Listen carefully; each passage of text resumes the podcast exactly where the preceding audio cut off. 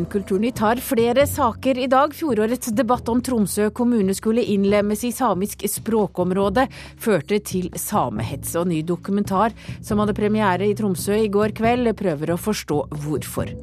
GK Rowling, forfatteren bak Harry Potter-bøkene, har forlatt magien, men greier likevel å holde på leseren i en ny voksenbok. Og arrangørene av krigsfilmfestivalen Movies on War vurderer å flytte festivalen fra Elverum hvis hedmarkingene ikke kjenner sin besøkelsestid.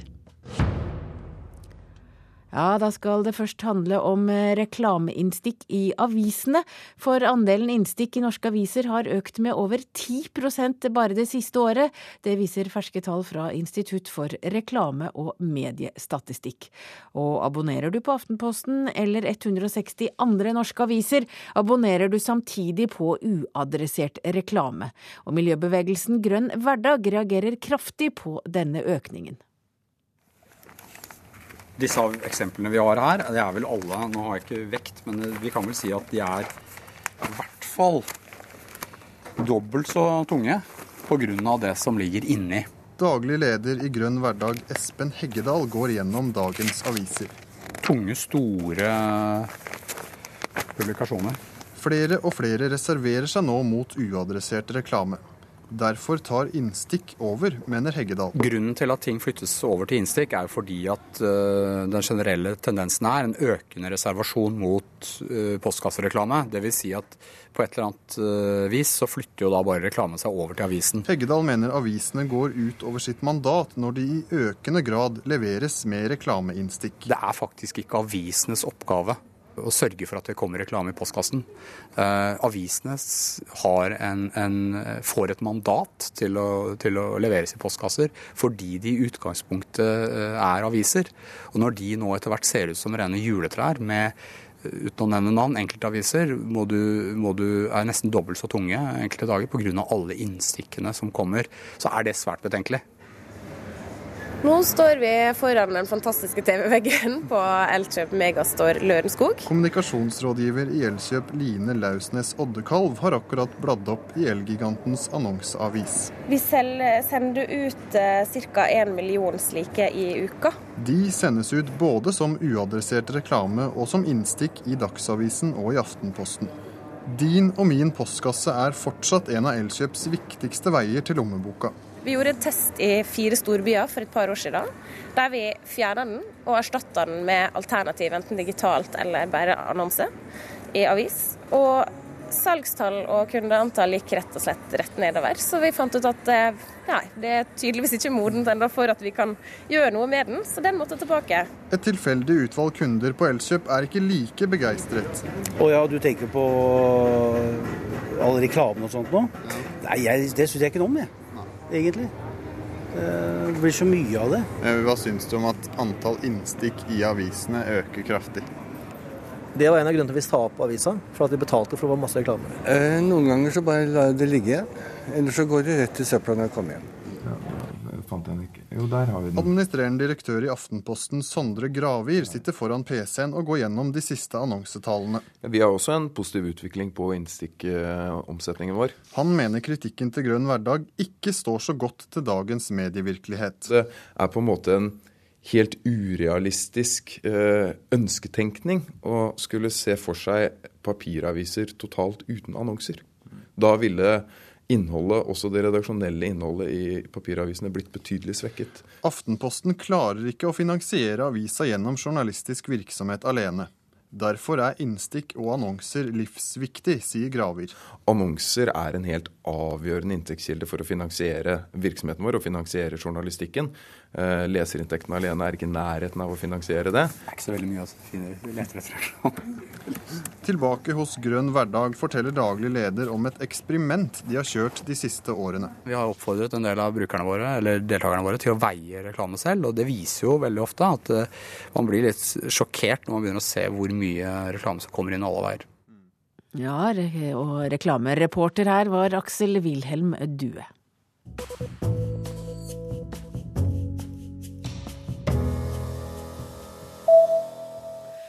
Medieforsker og tidligere sorsjef ved Slottet, Carl-Erik Grimstad, mener kongens autoritet står på spill etter at utdelingen av kongens fortjenestemedalje til Trond Ali Lindstad ble utsatt i går. Det skriver Dagsavisen. Og i Sverige mener man saken er svært pinlig for den norske kongen. En svensk journalist sier til Dagbladet at dette aldri kunne skjedd i det svenske kongehuset. Lindstad skulle fått medaljen for sitt arbeid med Urtehagen friskole, noe som skapte debatt av hans kritiske uttalelser om jøder og homofile. Like før utdelingen i går meldte Slottet at eh, det utsatte utdelingen på ubestemt tid. Sportsvarehuset G-Max lyser opp på veggen på Ishavskatedralen i Tromsø med sin egen logo i et reklamestunt. Nå anmelder kirkevergen i Tromsø forholdet og sier til Dagens Næringsliv at det er en krenkelse av et sakralt bygg. G-Max har beklaget hendelsen. Den tyske riksavisen Frankfurter Rundschau trues av konkurs. Årsaken er synkende annonseinntekter. Administrerende direktør i avisen sier han tviler på om de lykkes i å skaffe nye investorer. Avisen har nærmere 500 ansatte.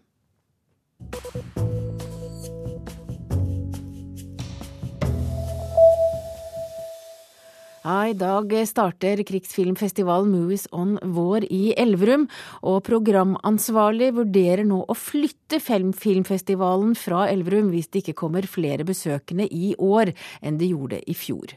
Etter fjorårets manglende publikumsoppslutning har ledelsen gjort grep for å trekke flere folk, men det er likevel mange som ikke har hørt om festivalen, som altså starter i dag.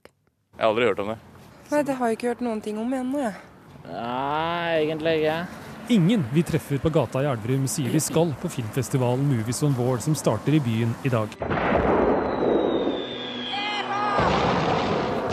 Det er andre året verdens eneste filmfestival om krig, konflikt, fred og forsoning arrangeres i Elverum. Den første i fjor ble ingen stor publikumssuksess, med 1300 besøkende totalt og vel 30 personer i snitt på hvert arrangement. Det var mer skuffende enn jeg hadde regna med, men dette er jo ikke verdens enkleste budskap å selge inn til folk en fredagskveld eller en lørdagskveld. Sier Vigdis Lian. Men i år har programsjefen gjort flere grep for å trekke mer folk, og lokker med storfilmer som Bjarte. To liv med Sven Nordin og Liv Ullmann, og Tro på at med det gode det kommer med langt, og det finnes noe godt i alle mennesker. den danske filmen Hvitsten-gruppen, som er sett av nesten en million dansker. Jeg tror vi har en mer tydelig profil. Jeg har, jeg har hørt om den, men jeg vet ikke helt om jeg kommer til å gå dit. Hvordan kan du forvente deg at jeg skal kunne være en god mor til et barn som jeg vil ikke ha honom? Den finske filmen 'Den beste av mødre', om barn som ble sendt fra foreldrene sine under krigen, er en annen av filmene som tar opp ulike sider av andre verdenskrig, som er årets tema. Lian mener det er behov for en egen filmfestival som tar opp til debatt krig og konflikt, fred og forsoning. Dette angår jo oss, og det angår Norge. Vi sender soldater ut i, i krigstjeneste.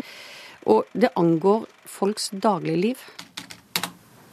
660 000. Cirka, da. Her har vi jo gjestelista vår. Han er prosjektleder for den unike filmfestivalen, Knut Aas, daglig leder i Elverum-regionens næringsutvikling. Det kommunalt eide aksjeselskapet står bak og har skaffet de rundt 700 000 kronene til årets festival. Han er litt bekymret etter fjorårets publikumssvikt. Ja, det var ikke noe lukrativt, vet du. Prosjektlederen sier det er viktig at årets festival går bra, også økonomisk. Det er nok eh, ganske viktig for mitt styre at det, en, eh, at det kommer et visst antall mennesker på besøk. Eh, hvis det heller ikke nå er noen interesse fra, fra publikum, så ser jeg jo at da må, må Ernu og styret og politikerne sette seg ned og finne ut at det er kanskje ikke her arenaen er. Jeg vet at det står folk som gjerne tar ideen videre andre steder. Jeg syns det er synd hvis Elverum slipper ideen. Ja, der har altså de som bor på Elverum fått en oppfordring fra programansvarlig Vigdis Elian og prosjektleder for filmfestivalen Movies on War, Knut Aas. Reporter her var Stein S. Eide. Du hører på P2s Nyhetsmorgen, og dette er hovedsaker i nyhetene akkurat nå. Streiker og aksjoner i 23 europeiske land i dag. Folk protesterer mot kutt og arbeidsløshet. Sjef på Rikshospitalet advarte allerede i oktober mot sprengt kapasitet på hjertemedisinsk avdeling. Og J.K. Rowling, forfatteren bak Harry Potter-bøkene, har forlatt magien, men hun klarer likevel å holde på leseren i sin nye bok. Kulturnytt fortsetter, og nå skal vi til Tromsø. For debatten om hvorvidt Tromsø skulle innlemmes i det samiske språkområdet, førte til hets mot samer. Den politiske debatten var opphetet, og nettfora i byens aviser var preget av grove krenkelser mot samene. NRK-dokumentaren 'Tilbakeslaget', som hadde førpremiere i Tromsø i går kveld, ser på hva det var som traff byen da debatten raste lemfeldige, fulle og båluktende folk som hører til oppe på vidda. Regissør Per Kristian Olsen ser gjennom utskrifter fra nettdebattene som raste hos lokalavisene da forslaget om å innlemme Tromsø i det samiske språkområdet ble lansert under valgkampen i fjor. Navnet er Tromsø, og ferdig med det. Samen har et helt sett sugerør ned i den norske statskassa. Når skal dette stoppe?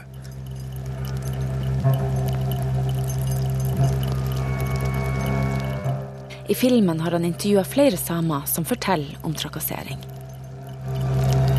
Jeg sjøl fikk jo mot meg en mann som kom og sa til meg Jeg hadde et uh, samisk sjal på meg, og han kom bare til meg og sa at jeg liker ikke samer. Når vi kom inn på Skarven, så var det et bord i et hjørne hvor det satt en del tilårskomne menn. Og øyeblikkelig starta en å joike, sånn tøvejoike når han så meg. Den borgerlige alliansen i Tromsø var mot forslaget om å innlemme Tromsø i et samisk språkområde, noe som f.eks. ville bety skilting på samisk. Olsen sier dokumentaren viser at eh, feilaktige påstander om hva det ville koste, ble fremsatt av politikerne på høyresida. Det vi ser er jo at uh, når, når, når, politikerne uh, som, var mot dette her, fokuserer veldig mye på, på at dette vil koste mange penger, så Eh, tiltar aktiviteten i, i Tromsø og Nordlys sine nettforum. Og, og da får du, eh, da får du uh, uttalelser som at samene har sugerør ned i statskassa, samene krever og krever, de får aldri nok. Samene gir seg ikke før de har fått lempa Tromsø inn i sameland. Politikerne på, på altså den borgerlige alliansen som var mot dette her, ikke, gikk ikke inn i dette her akkurat med, med fingerspitzgefühl. Altså. Det, det må man kunne si. Så det er klart for, for premieren? Det blir spennende, det. Og blant eh, publikum så dukker Høyre-ordføreren opp. Ja, jeg, jeg, jeg grugleder meg litt. Angrer du på noen av uttalelsene dine i valgkampen? Jeg, jeg angrer ikke på uttalelsene, eh, men eh, jeg har lært en del i denne prosessen. Bl.a. Om, om hvor viktig det er å vise at vi faktisk anerkjenner samisk språk og kultur, og anerkjenner at, at Tromsø har en uh, samisk historie som uh, vi må forvalte på en, en klok måte. Sånn at uh, jeg kunne helt sikkert ha gjort andre ting i valgkampen som hadde bidratt til at det ikke ble så ille som det ble. samtidig så anser jeg det som, som mitt mandat å bidra til at de sårene som har kommet etter denne striden, at de langsomt leges. Vi kan aldri legge dem helt, men, eh, men vi kan lære av dette. Bakerst i salen har eh, Mona Solbakk sett filmen. Nå har hun tårer i øynene. Og det er kanskje først nå man tillater tårene å komme. Fordi at nå blir man hørt. Så får vi jo se realpolitikken når den kommer. Blir det samiske mer synlig? Blir blir, eller blir de samme hersketeknikkene som Per Kristian Olsen viser, blir de fremdeles brukt og, og tillatt? Ja, det får tiden vise. Dokumentaren 'Tilbakeslaget Tromsø' og de fem hersketeknikkene sendes på NRK1 28.11. Reporter i Tromsø er Karoline Rugeldal. Og ett år er altså gått siden debatten om samisk språkområde i Tromsø raste, og det skjedde blant annet på kommentarfeltet i din nettavis, sjefredaktør i Nordlys Anders Oppdal. Du var på førpremieren i går. Hva syns du om filmen? Det er en eh, veldig sterk eh, fortelling om det som skjedde for ett år siden. Det beskriver ganske godt eh, hvordan Tromsø, som ethvert et annet nordnorsk kystsamfunn, reagerte da, da man ville på en måte innlemme Tromsø i, i samisk forvaltningsområde. Tromsø er jo kjent som en, en by som, som liker å, å omtale seg sjøl som ekstra raus. Vi har hatt Nelson Mandela og sånt i, i byen. Em, og her viser man da et, man beskriver da et tilbakeslag, og, og at eh, Tromsø kanskje ikke er så annerledes, og at, og at eh, rasismen lever også her. Dokumentarfilmen er jo inne på at manglende folkeopplysning kan være en av grunnene til at det oppstår hets av samer, eh, bl.a. på nettet. Hvordan har avisen din bidratt til et godt debattklima? Nei, altså I ettertid så er det jo uh, veldig lett å se at, at vi kunne gjort ting annerledes. Um, vi ble til en viss grad et, et mikrofonstativ. Vi klarte ikke helt å ta inn over oss de følelsene som faktisk ble, ble satt i, i sving på, på begge sider her. ikke sant? Det, det, det, det er trist. Vår jobb er å, å sørge for en opplyst debatt, og det gjorde vi ikke godt nok. Vi har eh, også med oss Geir Wulf, du er sjefredaktør i den samiske avisa Sagat. Og hva slags ansvar har mediene for det debattklimaet som vokste fram under striden om samisk språkområde i Tromsø? Ja, media har jo først og fremst et ansvar for å gi en saklig og objektiv informasjon om hva saken egentlig gjelder. Og selvfølgelig skal man formidle ytringer og synspunkter fra forskjellige aktører, men eh, jeg syns jo at man har eh, et veldig stort ansvar for å holde debatten på et eh, saklig og rimelig nivå. Og det her forslaget om, om å innlemme Tromsø kommune i forvaltningsområdet for samisk språk, det er jo, burde jo ikke være noen konfliktsak for en kommune som jo er eh, landsdelshovedstaden i Nord-Norge, og som gjerne vil fremstå som den arktiske eh, hovedstaden.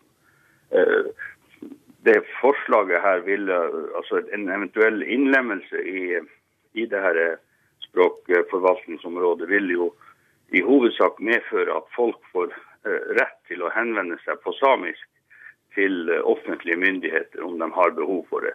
Og det er jo anno 2012 så burde jo egentlig det være en selvfølge overalt i kongeriket Norge. Men hvorfor ble det da så mye støy? Jeg tror jo kanskje det som var uheldig for saken, var jo det at den dukka opp i valgkampen og ble eh, Man fikk på en måte en litt polarisert debatt mellom eh, de rød-grønne, som eh, veldig positivt nok ivra for det, og så var det da viktig for, for Høyre og Fremskrittspartiet, som ønsker å overta ledelsen i, i Tromsø kommune, kommune og vise en motstand på det. Og det er klart man eh, surfer jo her egentlig på en bølge av eh, fordommer, eh, uopplysthet og, og eh, kanskje direkte rasisme også. Ja, Anders Oppdal, hva slags eh, klima så du utvikle seg under debatten? Nei, altså, det er helt riktig som Wulf beskriver. Det her, kom jo veldig overraskende på folk. Eh, Det var ikke gjort en særskilt god forankringsprosess eh, før eh, Arbeiderpartiet lanserte innføring av innlemming av, av Troms i samisk, eh, samisk forvaltningsområde. Og da fikk du på en måte noen, noen veldig sånne akutte, følelsessterke reaksjoner.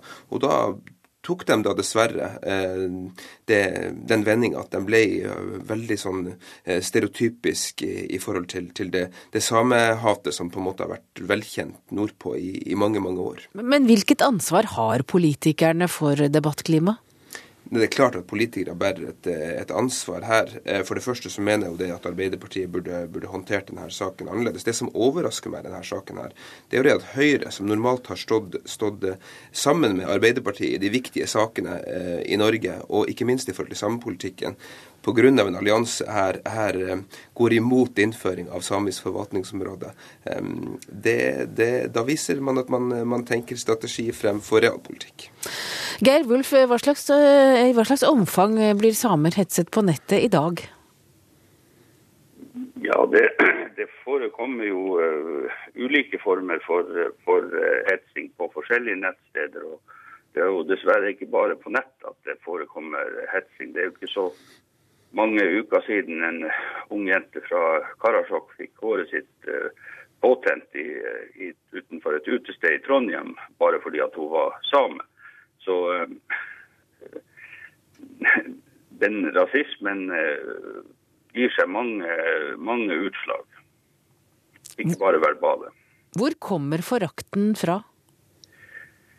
Jeg tror jo at Norge trenger å gå litt i seg sjøl når det gjelder ens, uh, ens egne holdninger til, uh, til, egne minoriteter, nasjonale minoriteter og, og eget urfolk. Man må huske at den samiske befolkning er ikke innvandrere til dette landet. Det et, altså Kongeriket Norge, staten Norge, er etablert på territoriet til to folk, det norske og det samiske. Og Det må man ta inn over seg. Og så er det dessverre også sånn, og det er kanskje litt av tragedien i det her, at mange som sjøl har samiske røtter, har problemer med å se seg sjøl i speilet og viser eh, forakt for eh, en del av seg sjøl. Takk til deg, Geir Wulf, du er redaktør i den samiske avisa Sagat. Og takk til deg, Anders Oppdal, du er sjefredaktør i Nordlys.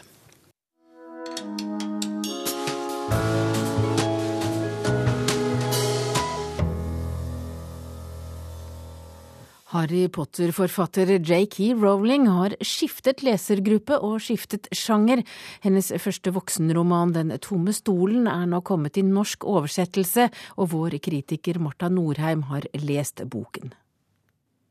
Det går ikke an å lese den nye romanen av Rowling uten å sammenligne med Harry Potter-bøkene. Det er rett og slett prisen for en suksess i den dimensjonen. En suksess som har brakt forfatteren inn i milliardærklubben, der ingen trenger å skrive bøker for livsoppholdet. Rowling må ha noe på hjertet som ikke kan formuleres i trollmannsuniverset. Vi er i den vesle byen Pagford sør i England. En av byens eldsjeler dør brått og uventa, og plassen hans i det som litt forvirrende heter Sognerådet i den norske versjonen, blir stående tom. Sognerådet er et lokalt organ på lågere nivå enn kommunestyret, og her satt den gode Barry, som hadde kjempa for en avrusingsklinikk og opprusting av et boligområde i sterkt forfall. Når stolen hans blir stående tom like før sognerådet skal avgjøre framtida for de sosiale institusjonene i randsona av småbyen, ja, da blir det kamp med alle midler om den tomme stolen. Og vi kan raskt slå fast at det er temmelig mange gomper i Pagford. Sympatien i boka ligger helt klart hjå folk i randsonene, hjå folka i sosialblokkene, og ikke minst hjå den yngre generasjonen av pagfordere, mens eh, det småborgerlige hykleriet og dobbeltmoralen hjå foreldra er teikna så tydelig at ingen skal være i tvil. Sjølsagt finnes det både heiderlige og uheiderlige unntak fra hovedregelen. Uten de ville boka vært uutholdelig moralistisk, og det er den slett ikke. Men lastene er overveldende og fargesterke, Rowling kan sin Dickens, og veit at både små og store tyr til triks for å berge skinnet. Og så har du de svært få som altså har ei overtyding om at noe er rett og godt. Dessverre er deres beste mann død. Det blir ungdommen som velter spelet, der Potter og co. måtte pugge vanskelige formler og øve inn triks med lett anakronistiske tryllestaver når de ville tvinge kreftene under sin kommando, kan Pagfords unge garde komme ganske langt med hacking på datamaskin. På nettsidene til Sognerådet dukker det opp anonyme informasjoner om de ulike kandidatene som ønsker å erobre den tomme stolen, og Pagford blir aldri den samme igjen. Om det er til det bedre eller til det verre, kan en diskutere, for i Rowlings voksenroman er vondskapen og djevelskapen djupt forankra i mennesket, og dermed uråd å eliminere, verken med analog eller digital magi. Mot slutten velter spelet nok en gang og får fram nye sider ved flere. Det er kanskje håp for gomper også, men de må ristes temmelig hardt. Den eh, tomme stolen er en roman med høy underholdningsverdi og god moral. Hvis eh, Rowling hadde rista miksturen litt bedre, slik at ingrediensene ikke var så lette å skilje fra hverandre, hadde boka vært enda bedre. Og det sa vår anmelder Marta Norheim. Den norske animasjonsserien om redningsskøyta Elias skal selges til hele verden, skriver Aftenposten. Det amerikanske selskapet Jim Henson Company, som annet har produsert Muppet Show, har kjøpt rettighetene til både barne-TV-serien, filmene og produktene med Elias. Denne sendinga fra Kulturnytt eh, nærmer seg nå hastig slutt eh, for eh, Nyhetsmorgen. Fortsetter med Øystein Heggen i studio. Ansvarlig for sendinga i dag var Vidar Sem, Hilde Tosterud og jeg heter Hege Holm.